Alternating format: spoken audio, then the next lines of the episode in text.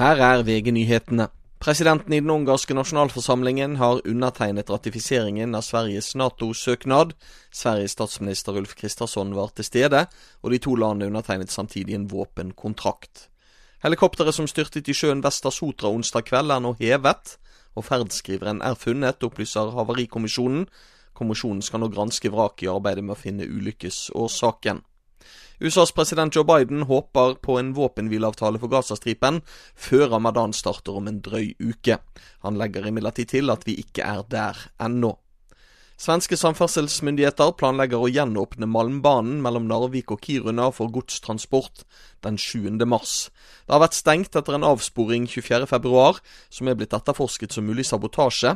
Det var den andre avsporingen på bare et par måneder. Det er uklart når det vil gå persontog på strekningen igjen. Et hus på Hitra i Trøndelag er totalskadd i brann. Det var ingen personer i huset som var under oppussing da brannen startet. Og ikke siden unionskongen Karl 12. ble dødssyk under et Tyskland-opphold i 1872, har en norsk konge blitt hentet hjem fra utlandet. Det sier kongehusekspert og historiker Trond Norén Isaksen.